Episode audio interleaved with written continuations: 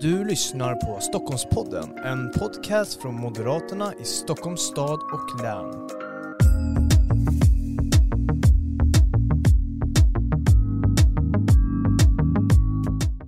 Varmt välkomna till ännu ett avsnitt av Stockholmspodden, Moderaterna i Stockholms stad och läns podcast. Och idag ska vi beröra ett otroligt aktuellt ämne. Det är ett ämne som många är oroliga över. Eh, det är många som följer det här ämnet med spänning för att se vart vi är på väg. Och tidigare i den här podden har vi också pratat lite just om det här. Bland annat i, för några veckor sedan när vi gjorde veckans brief så var ju du, Karin Enström, för detta försvarsminister, med och pratade om just Ryssland-Ukraina situationen. Varmt välkommen ännu eh, hit igen. Tack så mycket. Och eh, för cirka, ja, lite eh, mindre än ett år sedan var ju Thomas Ries docent i säkerhetspolitik vid Försvarshögskolan med oss här i Stockholmspodden för att prata om just vart världen är på väg. Varmt välkommen hit ännu en gång. Ja, tack. Det är trevligt att vara här. Tack, tack. Och eh, bara kort sammanfattning då, då innan vi går in på den här eh, aktuella händelsen då. Men bakgrunden är ju då att Ryssland har samlat tiotusentals, eh, enligt vissa bedömare även hundratusentals soldater då vid ukrainska gränsen. Och Ryssland har ju här innan årsskiftet precis ställt flera krav på bland annat NATO och USA.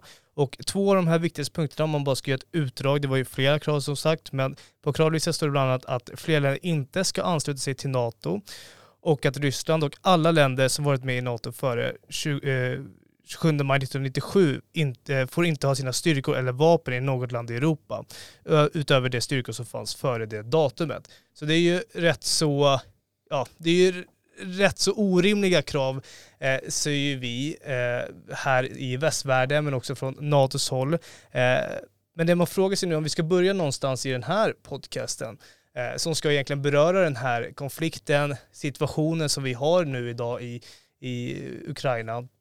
Varför ställer Putin de här kraven? Thomas, jag tänker att du kan börja här och inleda. Ja, gärna, tack, tack. Jo, det, det, det är en bra plats att börja för att det är egentligen det stora problemet. Vi har, å ena sidan har vi det omedelbara nu läget runt Ukraina och möjligheten för att det blir en väpnad konflikt. Men den djup, det djupare problemet är just det som du, du inledde med och det är att eh, Putins krav um, uh, siktar till att omkullkasta hela den europeiska säkerhetsordningen. Och det, det har många konsekvenser, men ett, en av konsekvenserna är för små länder som till exempel Finland och Sverige eller baltiska länder, vilka, vilka som helst, så har, har inte självbestämmande rätt längre över deras säkerhetspolitik. Uh, de skulle måste ta hänsyn till Rysslands intressen och krav. Och som vi vet från kalla kriget så kan det gå väldigt långt. Sen, det kan påverka inrikespolitiken, allt. Så att, så, att, så att Putins krav som han ställde väldigt kategoriskt i början av december är mycket, mycket, mycket dramatiska. Och det är egentligen det som hela det här handlar om nu, den här spänningsfältet som vi har nu.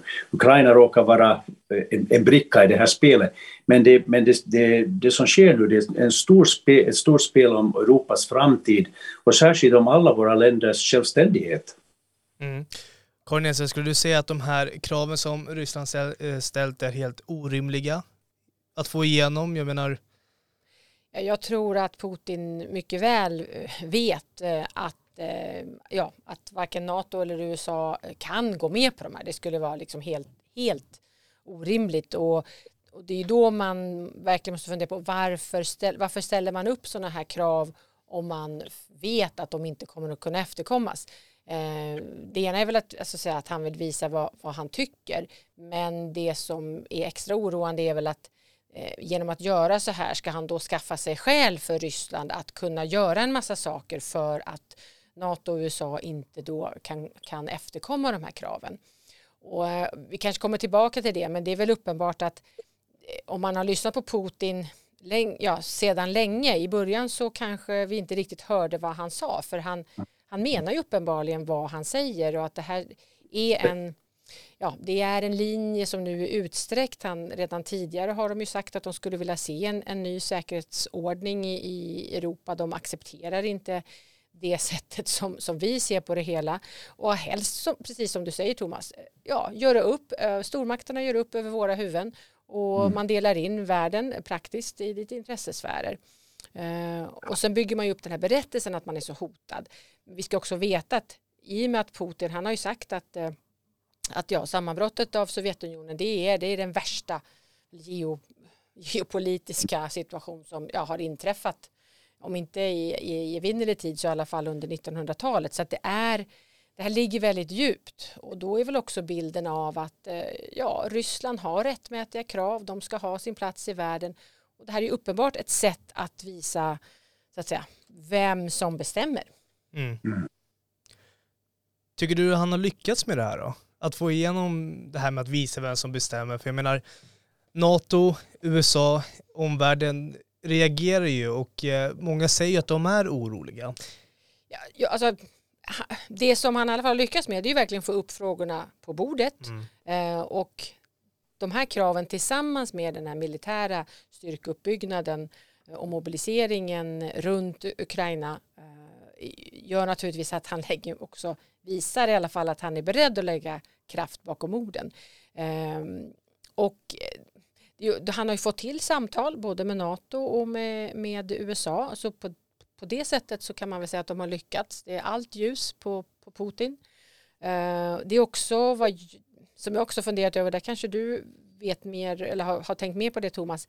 Ehm, det här att allting ska vara skriftligt. Man lägger, alltså, normalt sett i internationella förhandlingar på den här nivån så, så börjar du inte med att lägga ut alla dina spelkort mm. och säga att här är mina krav och minsann utan då börjar man ju känna på varandra och säga att de här ämnena tänkte jag att vi skulle prata om och sen så, så blir slutresultatet någon slags skriftligt avtal. Här börjar de i det skriftliga. De har också begärt både från NATO och från USA. Det ska vara skriftliga svar.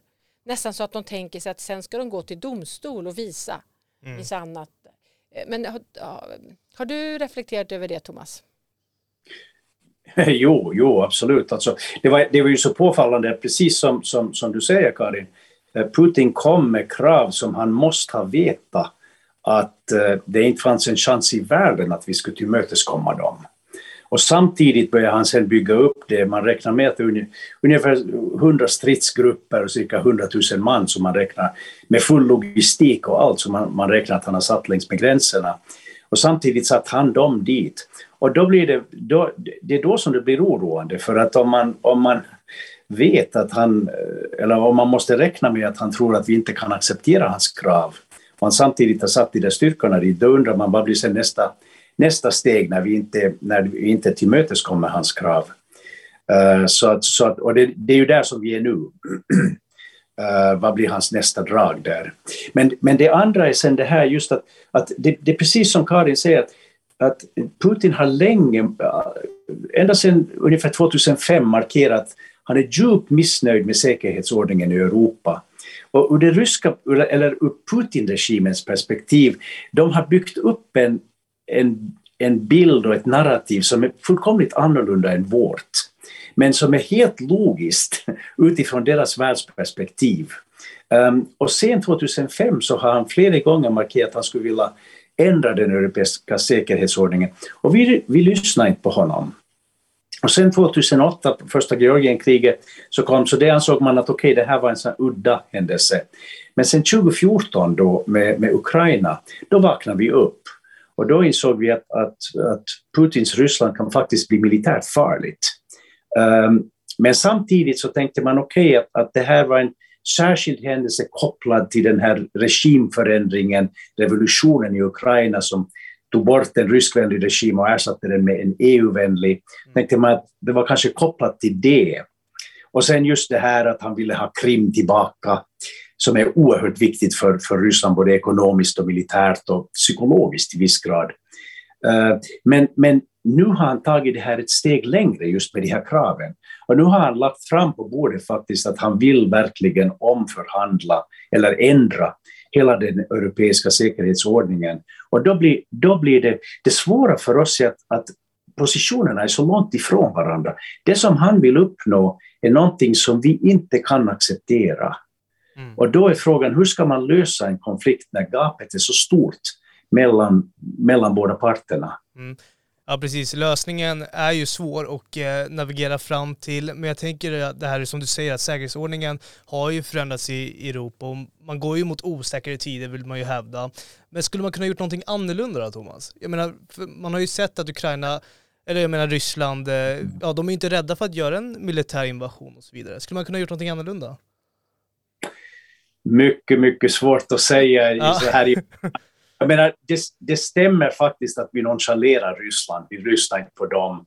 De var intressanta för USA i samband med Afghanistan. Man behövde en, en förbindelserutt för logistik och så vidare.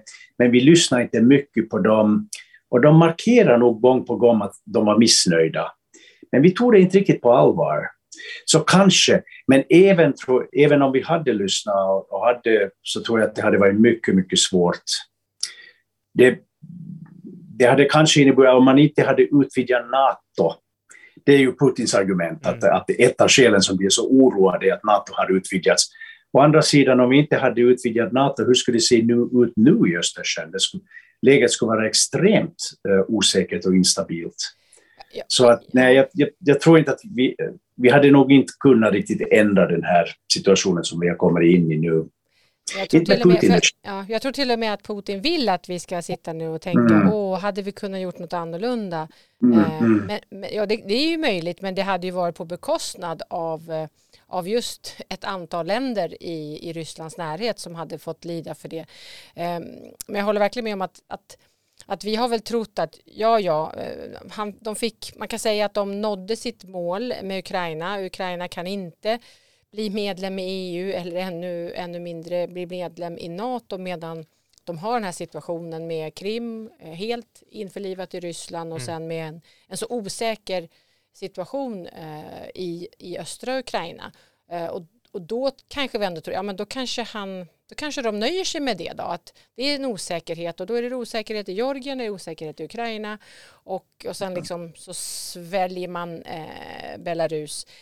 Men här är det uppenbart att, att han vill mer och den, den intressanta frågan är väl nu som alla sitter och funderar på det är ju eh, nu, nu har han kommit så här långt, kan han, vad händer nu? Kan han ens backa även om de skulle vilja? Om, om det blir kalla handen, eh, visst är det en vilja att fortsätta prata, men, men om de tolkar det som att det blir nej, nej och kalla handen och alla krav, ja, vad har man för handlingsalternativ utan att helt förlora ansiktet? För jag tror att det, det eh, och vi vet ju inte heller eh, om vad de hade trott att de skulle få för svar, för just nu känns det ju, jag har läst ett antal kommentarer eller kommentatorer säger ja men nu har han ju uppnått att just nu är ju NATO mer enade än på länge och EU också mer enade mm. på länge i förhållande till Ryssland. Så, så det är ja, mm. oerhört mm. intressant. Mm. Men om du ska försöka förutse då, vad, vad som kommer just hända här vid Ukraina-Ryssland-gränsen för att du var ju försvarsminister under den här tiden då de tog över Krimhalvön och så vidare. Ja, och, det, och då, då, precis som du beskrev Thomas, man tänkte att Georgien var ett hack i kurvan, men sen visade det sig att, eh, att viljan, det här att använda våld, mm. militärt våld, att den tröskeln var så låg. Det här, så, ja, om man gör en sån här, eh, vad ska man, SWOT-analys så skulle mm. väl de flesta länder komma fram till att inte använda militärt våld och att kritiken skulle bli så stark, men det brydde man sig ju uppenbarligen inte om då. Men nu så så, så är det väl, det är ju ändå fortfarande så, få som tror på en fullskalig invasion. Inte kanske för att det inte inledningsvis skulle vara ganska framgångsrikt, även om det skulle kosta stora förluster. Men att, och sen, vad ska hända sen då? Alltså det blir ett, ett väldigt, väldigt högt pris. Liksom, eh, men att inte heller göra någonting när man liksom har skapat en förväntan. Eh, kommer man försöka liksom, ta en, en, korridor så att man har land, alltså dela Ukraina helt enkelt. Så det, en del tror ju på det, att det blir någon form av militär insats som går ut på att ja, helt enkelt dela Ukraina så att man har också kommer, ja, kommer åt Krim från landsidan så att säga. Mm. Thomas, tänker med din erfarenhet, eh, vad tror du kommer hända kring den här konflikten nu? Kan man se en ja, men en väpnad konflikt eh, mellan Ukraina och Ryssland. För de har ju tidigare visat 2014 och så vidare att de inte lyssnar på omvärlden. Det spelar ingen roll hur högt eh, NATO eller USA skriker eh, att det är oacceptabelt och så vidare. De, de lyssnar ju inte. Jo, nej, jag är helt enig med, med, med, med Karin här. Uh, alltså Putins pro problem, eller avsikt i alla fall, han har placerat sig i en situation där om han inte gör något nu när vi har förkastat hans förslag, då är det ett nederlag. För han har kommit med så kraftiga förslag, han har placerat så stora styrkor dit Och så säger vi nej. Om han sen drar tillbaka utan att göra något så blir det ett nederlag för honom. Och en diktator som Putin kan inte tillåta sig något nederlag. För det så slår så, så starkt emot hela hans politiska profil. Mm. Så, att, så, att, så att min, min grundbedömning är att han måste hitta något att göra. Men sen är det ju det här, precis också som Karin var inne på, att det finns olika scenarier för militäroperationer uh, i Krim. Uh, och ett av dem så fick vi nyligen höra från britterna och det, var, det, var, det skulle vara att försöka ändra, att ta en kupp i Kiev och, och byta regimen. Uh, problemet med det är att en stor del av den ukrainska befolkningen skulle inte godta det där. Mm. De, de, de, skulle inte acceptera en, en sådan regim. Eh, men det finns andra scenarier. Ett annat scenario är att han försöker, då om vi tänker på, jag, är helt enig med Karin att en storskalig landinvasion eh, är svår att tänka sig av precis de skälen som Karin tog fram. Att sen efteråt så sitter man där, man måste ha kvar väldigt stora styrkor och man lider förmodligen förluster. Och det skapar också, och det andra som Putin är oroad över, att den allmänna opinionen hemma. Och det, det är rent tecken på att befolkningen börjar bli trött på att deras soldater är så länge där vid gränsen. Så att det ska vara svårt. Men han kan göra mer begränsade saker. Ett, ett av scenarierna är att han försöker, eller att han tar kustremsan mellan Ryssland och Krimhalvön så att han förenar dem. Det är ett scenario och det är ganska trovärdigt. Eftersom det är så långt i östra Ukraina så skulle han också kunna sannolikt kunna säkra att lokalbefolkningen mer eller mindre accepterar det här. Ehm, ett annat scenario är att han skulle använda eldkraft på lång distans, alltså missiler och bombplan, att slå till mot den ukrainska militära infrastrukturen, egentligen över hela landet, och ukrainska militära enheter ska vi säga under en fem, sex dagar intensiv eldöverfall mot det här. Och då skulle han förmodligen kunna skada en väldigt stor del av den ukrainska, eller oslag, o, skada en mycket stor del av den ukrainska militärkapaciteten, göra den så att den inte riktigt skulle kunna fungera på ett bra tag. Och det skulle kunna vara ett slags straffande attack där man samtidigt skulle visa hur stark den ryska eldkraften är mot ukrainarna, mot oss, mot alla. Det är ett annat möjligt scenario. Mm. Och sen, ja. ja, det finns många olika scenarier. Man kan ju sitta i, i nästan evigheter och eh, fortsätta spå vad som kommer hända och vad som inte kommer hända och försöka ge sig in i Putins hjärna. Vad tänker han och så vidare. Men jag tänker om vi ska blicka bort från Ryssland och kolla mer mot NATO, EU, USA och så vidare, omvärlden. Eh, hur bör NATO och USA, men också omvärlden och Europa agera? Tycker du Karin? Det, eh, det gäller väl att, jag, jag tror att, det, att man tänker helt rätt att, att försöka hålla igång en, en dialog och att det är med diplomati, men den, alltså, så länge man ändå har en dialog så, så i alla fall då är något vunnet. Det är när man slutar prata med varandra helt och hållet och liksom når, ja, när man säger att nu har vi strandat, nu kan vi inte ha några förhandlingar mer. Mm. Eh, och sen ändå vis, försöka beskriva vad som skulle hända. Och där, ja, där finns det väl både, jag vet inte om man ska säga plus och minus, men uppenbart är ju att, och det har ju, har ju både USA och NATO sagt att det är skillnad på att vara medlem i NATO och inte. Mm. Tycker jag någonting mm. för oss att fundera på också. Även om vi inte är Ukraina. Men att det är skillnad. Man är beredd att hjälpa till. Men man, man är inte beredd så att, säga, att utlösa artikel 5 för att till, till sista, sista amerikan eh, försvara Ukraina mot Ryssland militärt. Däremot så ser man ju både EU och NATO och USA bestäm, best, liksom, visar sin ah, vad ska man säga, resolve, att man är verkligen beredd att mm. ta till kraftiga sanktioner av olika mm. slag. Mm. Sen ska man ju veta att det finns ju negat det kan ju slå tillbaks eh, negativt mot oss själva också, men det får man väl vara beredd att ta då. Eh, men, och vi kanske kommer till det, det kan ju ge andra konsekvenser, inte, inte bara ekonomiska, utan och det diskuteras också nu, driv, riskerar vi att driva Ryssland närmare Kina då i sådana fall, om man till exempel utesluter dem från det här betalningssystemet Swift och så vidare. Så det är, mm, ja, men jag tror att just den här, en, framför allt en röst. Så fort man, man börjar splittra och det finns väl, det har ju funnits tendenser liksom, ja, i Europa också här eh, en olika hög ambition. Liksom ska man, ja, hur mjuk eller hård ska man vara? Mm. Så att det är väl det. Det är ju också Putin bra på att, eh, att härska genom att söndra. Det är en klassisk metod. Mm. Ja. Vad tänker du då Thomas? Eh, hur bör EU, NATO, USA och omvärlden agera? Och här har vi igen liksom de här två olika sakerna. Det ena är hur ska man hantera det aktuella läget? Och där är det precis som, som Karin sa, att försöka hålla dialog igång även om man inser att nu har äh, Putin alla korten i sin hand och han kanske väljer att, att använda brutalt våld. Ähm, men det andra är mer långsiktigt och jag är rädd att vi är nu inne i en, i en ganska ond spiral. Mm. Där Putin, och sen, sen måste, får vi inte glömma att, att Putin har visat länge hans militära styrka, de här stora Zapad-övningarna som, övningarna som han håller här i Östersjöområdet alla fyra år. Så de sista tre övningarna, 2017, eh, eller 2013, 2017 och 2021, så har han haft väldigt stora styrkor där, upp till 200 000 man som han där. Så mm. han har redan demonstrerat det här. Um, det, det, det, den processen som vi började 2014 med att återuppbygga en ett europeisk självförsvarsförmåga, både individuellt, länder som Sverige och andra länder, och sen kollektivt, särskilt då NATO, så den, den processen måste vi nog eh, fortsätta att förstärka. Problemet med det är att då spelar vi in i Putins händer, då kan han visa, titta vad de är aggressiva och farliga, vi måste vara ännu starkare. Och då kommer vi, då kommer vi in i den här onda cirkeln.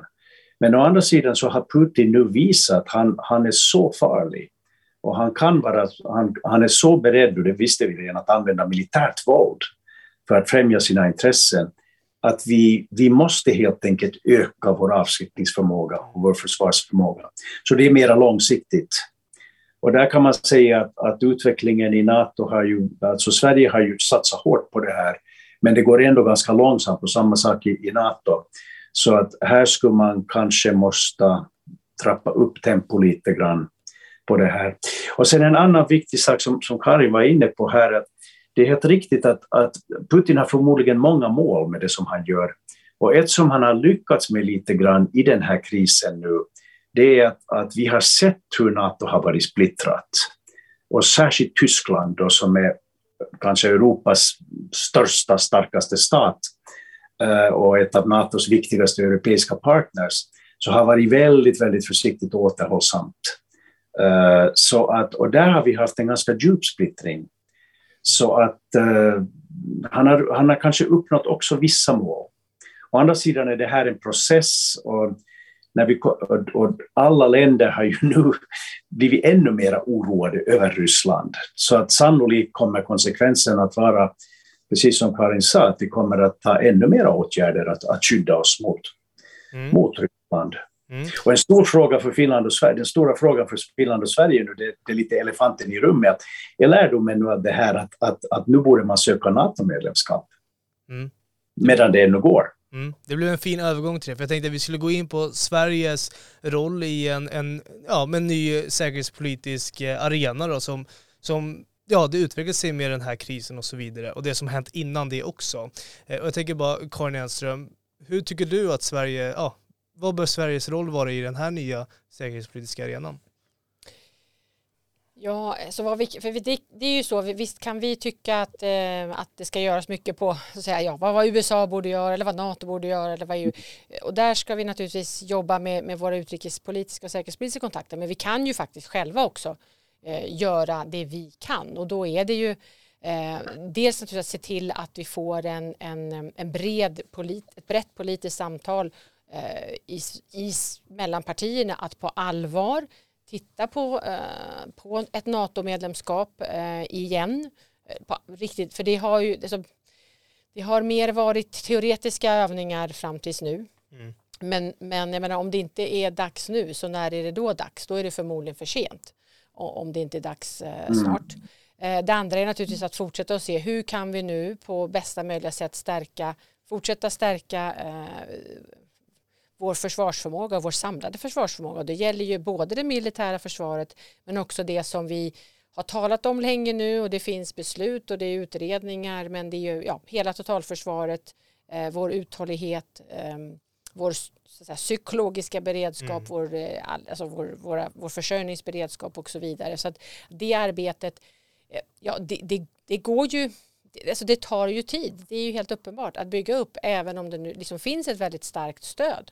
Mm. Eh, och det kanske kommer, vi tror väl att det kommer att krävas både mer pengar och fler beslut för att få ytterligare tempo. Så det kan vi faktiskt göra här hemma om, om viljan finns. Och här, här får vi väl hoppas ändå på att den här ytterst svaga regeringen som vi nu har förstår att de måste prata med alla partier.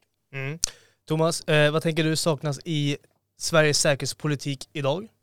Vad skulle du vilja se för prioriteringar? Ja, jag, jag skulle bara tillfoga en sak här att jag är helt enig med Karin att nu gäller det att börja titta på allvar på den här NATO-frågan. Men bara som finländare ska jag tillfoga, jag är säker på att Karin menar det också, att, att gärna, eller, eller i, i, nära kontakt med Finland också, att liksom självklart, båda länder. Självklart, men, det, det goes without saying, från min sida i alla fall. ja, men sen, men sen skulle jag säga att alltså, Sverige och Finland har förberett sig de har egentligen de har förberett terrängen rätt bra. Uh, vi är erkända av, av NATO som guldkortsmedlemmar och de har flera gånger sagt att dörren är öppen om ni kommer. Så, så det, in, det, det, det, behövs egentligen bara ett politiskt beslut. Um, alla andra bitarna är redan på plats. Och, och, och sen särskilt också att de har väldigt stort förtroende för båda länderna. Så det, det, är en bra sak. Och det andra som naturligtvis är ju det här svensk-finländska försvarssamarbetet. Eh, det kan inte ersätta stöd från väst. Eh, och, och, och ÖB sa det ju väldigt tydligt för någon vecka sedan. Han sa att, att om det här Putins krav går igenom så Sverige är helt beroende på att få olika former av stöd från väst. Eh, och det gäller också för Finland i sista hand. Så att, så att um, här är sen frågan just att, att, att uh, kan vi fortsätta med den linjen som vi har nu? Vi har väldigt goda informella kontakter, både direkt med USA både, och konkreta kontakter. Man har ju samövningar och så vidare. Så det är inte bara ord. Uh, men räcker det i en akut kris eller måste man ha en riktig artikel 5-förbindelse eh, som förpliktar att, att uh, de här länderna att ge, att ge stöd? Mm. Det krävs ett eh, politiskt beslut, eh, säger du Thomas, och då frågar man ju när kommer det här politiska beslutet, Karin? Eh, vi, vi, vi, är eh, redo. Jag vill också naturligtvis bekräfta det som Thomas säger. Vi, vi, vårt eh, vårt eh, finsk-svenska, svensk-finska samarbete är naturligtvis viktigt. Det gör oss bättre mm. eh, och vi har förberett oss och vi har också eh, be, bör förbereda oss inte bara på den militära sidan utan också liksom på den utrikespolitiska sidan med, med bra kontakter, att, att ha den här, ska vi säga, dagliga eh, avstämning och, och, bra kontakt och också liksom förberett om det är så att det värsta händer, vad kan vi då göra tillsammans? Men, eh, och det är jättebra, men det är ett komplement. Eh, och jag håller mm. också med, vi, jag var nere i Bryssel senast i mitten på november Eh, Eh, på, på NATO-högkvarteret. Det var lite tomt för det var lite nya restriktioner men, men det är ju mycket tydligt att man uppskattar verkligen eh, både Sverige och Finland att vi bidrar till, eh, till den gemensamma säkerheten och det är lätt att, att samarbeta med oss ehm, så att det är, det är hos oss på, ja, det är framförallt hos oss avgörandet ligger. Sen det är klart, det finns former och det ska man väl inte naturligtvis underskatta. Det ska ratificeras och så vidare eh, men i alla medlemsländer. Men likväl eh, i stort sett så, så är det en, en, en så öppen dörr som det nu kan vara med de formella delar som finns i det. Eh, och jag, så vi, vi måste väl få fler partier att förstå att det är skillnad på att vara medlem och inte. Och det går ju inte riktigt ihop eh, när det, det är ju framförallt Socialdemokraterna som faktiskt på allvar måste lämna den här gammaldags synen på att försöka liksom vara, ja, inte bara stå på båda benen samtidigt utan stå på fler ben än vad man har eh, för att hålla, jag vet, ja, att hålla alla alternativ öppna. Man ska ju inte tro att Ryssland eller någon annan betraktar varken, varken Sverige eller Finland som att vi inte skulle tagit ställning eller att man tvivlar på vilken sida vi mm. står.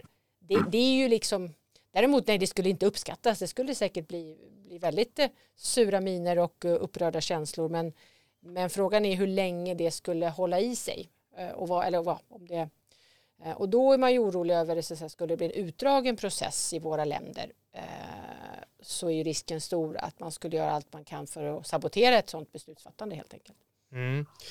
Thomas, hur tycker du att, nu sitter ju Moderaterna i opposition, leder oppositionen ty hur tycker du Moderaterna bör agera eh, nu? Eh, det är ju svårt såklart att, påverka ja, Socialdemokraterna kanske just nu. Eh, det är ju ja, ett val alldeles strax och så man ska tänka liksom eh, mandatperiodsmässigt så då. Eh, men, men hur tycker du att Moderaterna bör agera? Gör man allting korrekt eller kanske man bör göra någonting annorlunda? Om du får vara lite kritisk här. Karin lyssnar. Nej, men nu, nu, nu, nu måste jag säga att, att jag kommer inte att gå ut på den här tunna isen och, och börja och ge något råd om den saken. Uh, och, och, där skulle jag säga att där, där är Karin uh, uh, den personen som skulle kunna göra det. För att politik och, är, är, redan så känsligt. Och, nej, nej, och som utomstående så, så, mm. så är det inte en plats att börja, börja ge något råd på det sättet. Nej, absolut inte. Mm. Ja, det är helt okej. Men om jag ställer frågan så här då. Är ett NATO-medlemskap avgörande för Sveriges framtida roll i säkerhetspolitiken? Ja, man kan, dilemmat är ju det att man kan aldrig svara på det här. Nej. Har man lite tur så är det inte avgörande. Eh, men just nu är läget sånt att det ser inte ut som om vi kan lita på att vi kommer att ha god tur. Mm. Och då, då är det kanske bättre. Det, det kommer att innebära kostnader på olika sätt. Uh, alltså politiska kostnader särskilt. Men, men å andra sidan så har nu Putin visat att han, han är, hans Ryssland är direkt farligt och han har resurser att vara farlig. Mm. Så att uh, så att, så att, uh, att man borde nog man borde nog gå igenom frågan seriöst och, mm. om man skulle, borde bli medlem. Mm. Jag tänker på den här ja, men balansen då, då att, att vara neutral eller att eh, hålla fast vid den här ja, gamla idén som Karin beskrev, att man, man är neutral och man väljer inte sida och så vidare. Skulle du säga att, att ja, men Ryssland och så vidare, med, din erfarenhet, betraktar oss som, som neutrala? Uh, nej, och sen, sen är det ju det att, att Finland avsade sig ju neutraliteten 1995 sex månader efter EU-medlemskap, formellt i ett vitt, ett vitt papper. Och sen Sverige så, så börjar ju runt sekelskiftet, millennieskiftet egentligen, att, att ta bort det. Och ingen talar längre om neutralitet um, här, utan militärt icke-allierade är det väl. Um, men Ryssland, ja, olika sätt. Naturligtvis, de vill till allt pris se till att vi inte kommer med. Men om deras generalstab, deras militärer, betraktade oss sannolikt som del av fiendelägre. Mm. Karin, jag tänker på det här att uppnå en, en bred enighet i, i säkerhetsfrågorna då, då, eh, politiskt i Sveriges riksdag. Det har ju varit på agendan nu att man, man önskar ju att man kan uppnå någonting. Eh, det har varit samtal hos statsministern med alla partiledare och så vidare. Hur långt borta tror du en sån överenskommelse är? Um Alltså, om, om vi lägger själva NATO-medlemskapet åt sidan så skulle jag ändå säga att det finns en bred enighet idag. Det är stor skillnad. Eh, det, det, är ju omvärlds, omvärldsutvecklingen som mm. har fått alla partier mer eller mindre att eh, ändå bejaka och inse behovet av att vi måste vi måste förstärka eh, hela vårt försvar, allt ifrån det militära försvaret till det ja, till alla delar så att hela totalförsvaret och vår motståndskraft att vi måste ta ett större ansvar för vår egen säkerhet. Och där tycker jag, det får man ändå säga, det finns ett starkt stöd för det. Det finns ett starkt mm. stöd i befolkningen. Det finns också ett starkt stöd politiskt för att, att gå samarbetets väg som, som vi ju har valt. Att vi säger att vi bygger säkerhetssamarbete med andra och, och vår, om vi får säga så, vår planering bygger ju på, vi, vi vet att vi inte kan försvara oss helt själva. Vi är i förlängningen i behov av hjälp av några andra. Ja, läs NATO. Eh, så, så den insikten finns ehm, och det finns en bred enighet. Men det är liksom sen de sista stegen och jag tror att det vore väldigt olyckligt att ha, ha nu i det här läget en, en, liksom en, en, en hög konfliktnivå och ett högt tonläge. Eh, det är som sagt, det, det tror jag bara spelar Putin och hans medarbetare i händerna om det nu att det är som syns som att vi vacklar kring ska vi rusta, hur ska vi förhålla oss till Ryssland. Det, det vore det värsta scenariot. Ja. Mm. Hörrni, vi ska strax ta och avrunda det här samtalet, men innan det så vill jag att eh, båda ni två ger varsin bild av vad ni tror kommer hända de kommande sex månaderna. För att det sker ju saker varje dag. Jag vet att det är otroligt svårt också att se in i sådana här, in i framtiden. Eh, det är ju omöjligt såklart. Eh, men om ni bara ska få spekulera, vad kommer hända de kommande sex månaderna? Och då tänker jag att vi börjar eh, med dig Thomas. Okej. Okay. Jag skulle säga så här att, att om Putin ska använda våld mot Ukraina så då måste han väl göra det inom de nästa tre veckorna ungefär, av, av olika skäl. Uh, så det är kanske en sak. Kanske det händer, kanske det inte händer, det vet vi inte. Mm. Men om det händer så kommer det nog att skuffa det europeiska säkerhetsläget ännu längre mot osäkerhet och mot att vi måste förbereda oss bättre för att, för att avskräcka hot direkt mot oss. Eh, och sen sex månader, det skulle vara ungefär eh, juli det. Eh, lite olika scenarier, kanske Putin då sitter fast i en mycket krånglig situation i Ukraina eh, som då skulle skapa spänningar i hela Europa. Ehm, så då skulle man kunna tänka sig att det finns en mycket större militär aktivitet Eh, och mer satsning på, försvars, på försvaret här hos, hos oss. Om han inte gör det, ja, då är det också väldigt osäkert vad som kan hända, för då kommer han att sitta lite osäkert till hemma.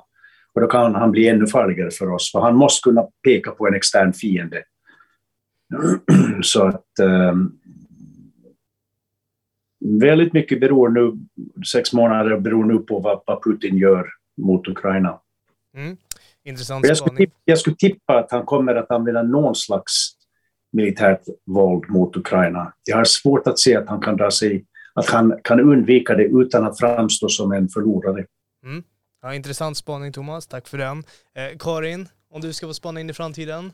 Ja, det här är det värsta för vad, man ens, vad, vad vi än säger så kommer jag förmodligen inte ha rätt. Så att, om, om, vi, om, vi, om vi börjar med det så, eh, för det har ju visat sig att, eh, att, eh, att just Putin har varit väldigt oberäknelig och just det där när han jo. får tillfället. Men jag, jag, om vi säger så här, jag tror ju det kan, det är nog inte ändå en, en, en slump att, eh, att USA var så tydliga med att eh, inte minst liksom, ja, ta hem ta hem anhöriga och så icke nödvändig personal från Kiev, det tyder väl på någonting. Eh, att det ändå är en ganska en hög risk för någon typ av, av militärt våld. Vad det kommer innebära, ja, det kanske inte är någonting av det vi ser framför, har, har pratat om här. Det kanske är något helt annat och det har han ju visat att han är bra på. Vi har varit väldigt dåliga på att bedöma eh, mm. vad som kommer att ske men att vi måste förbereda oss på det värsta. Jag tror att det är det man ska utgå ifrån. Eh, det, måste, det låter, det låter eh, väldigt pessimistiskt men jag tror inte är läge. Vi har varit naiva Nej. Eh, tidigare men nu gäller det nog att lämna den, den hoppfulla delen. Sen ska vi naturligtvis göra allt för att också naturligtvis det här handlar ju om, om, om människoliv och stora värden eh, både på kort och lång sikt. Så... Får jag bara tillfoga här, just mm. för att fortsätta på den här tråden. Alltså två saker som man, om det, om det blir mera spänt, så man kan kanske räkna med att det kommer att få ekonomiska konsekvenser. Särskilt om. Putin stryper gasleveranser och energileveranser. Då kan priset på ström och bensin gå upp ganska mycket. Och sen också av andra skäl så kan handeln och världshandeln påverkas av det här. Och sen det andra är att, att det eh, finns också en del scenarier där man kan räkna med att Putin använder cybersabotage, alltså att man hackar våra informationssystem som, som landets infrastruktur är beroende på. Mm. Så det, det, här är möjligheter som, som också finns. Så att det kan, det kan, i värsta fall kan det bli rätt turbulent och svårt faktiskt. Eh, stigande matpriser och sådana saker. Mm. Avslutningsvis är det ganska, ganska lätt att se att, att de troligen kommer att kombinera äh, det militära, användning av militärt våld och äh, andra typer av, som de ju mycket framgångsrikt har visat att de kan. Cyber på olika sätt mm. ställa, ja, skapa den här ovissheten så att vi, vi blir långsamma i våra reaktioner också. Ja, det är mycket intressant vad som kommer hända härnäst. Men nu måste vi avrunda det här samtalet. Stort tack Karin Enström för att du kom till Stockholmspodden. Tack. Och stort tack till Thomas Ris för att du kom till Stockholmspodden. Tack, tack.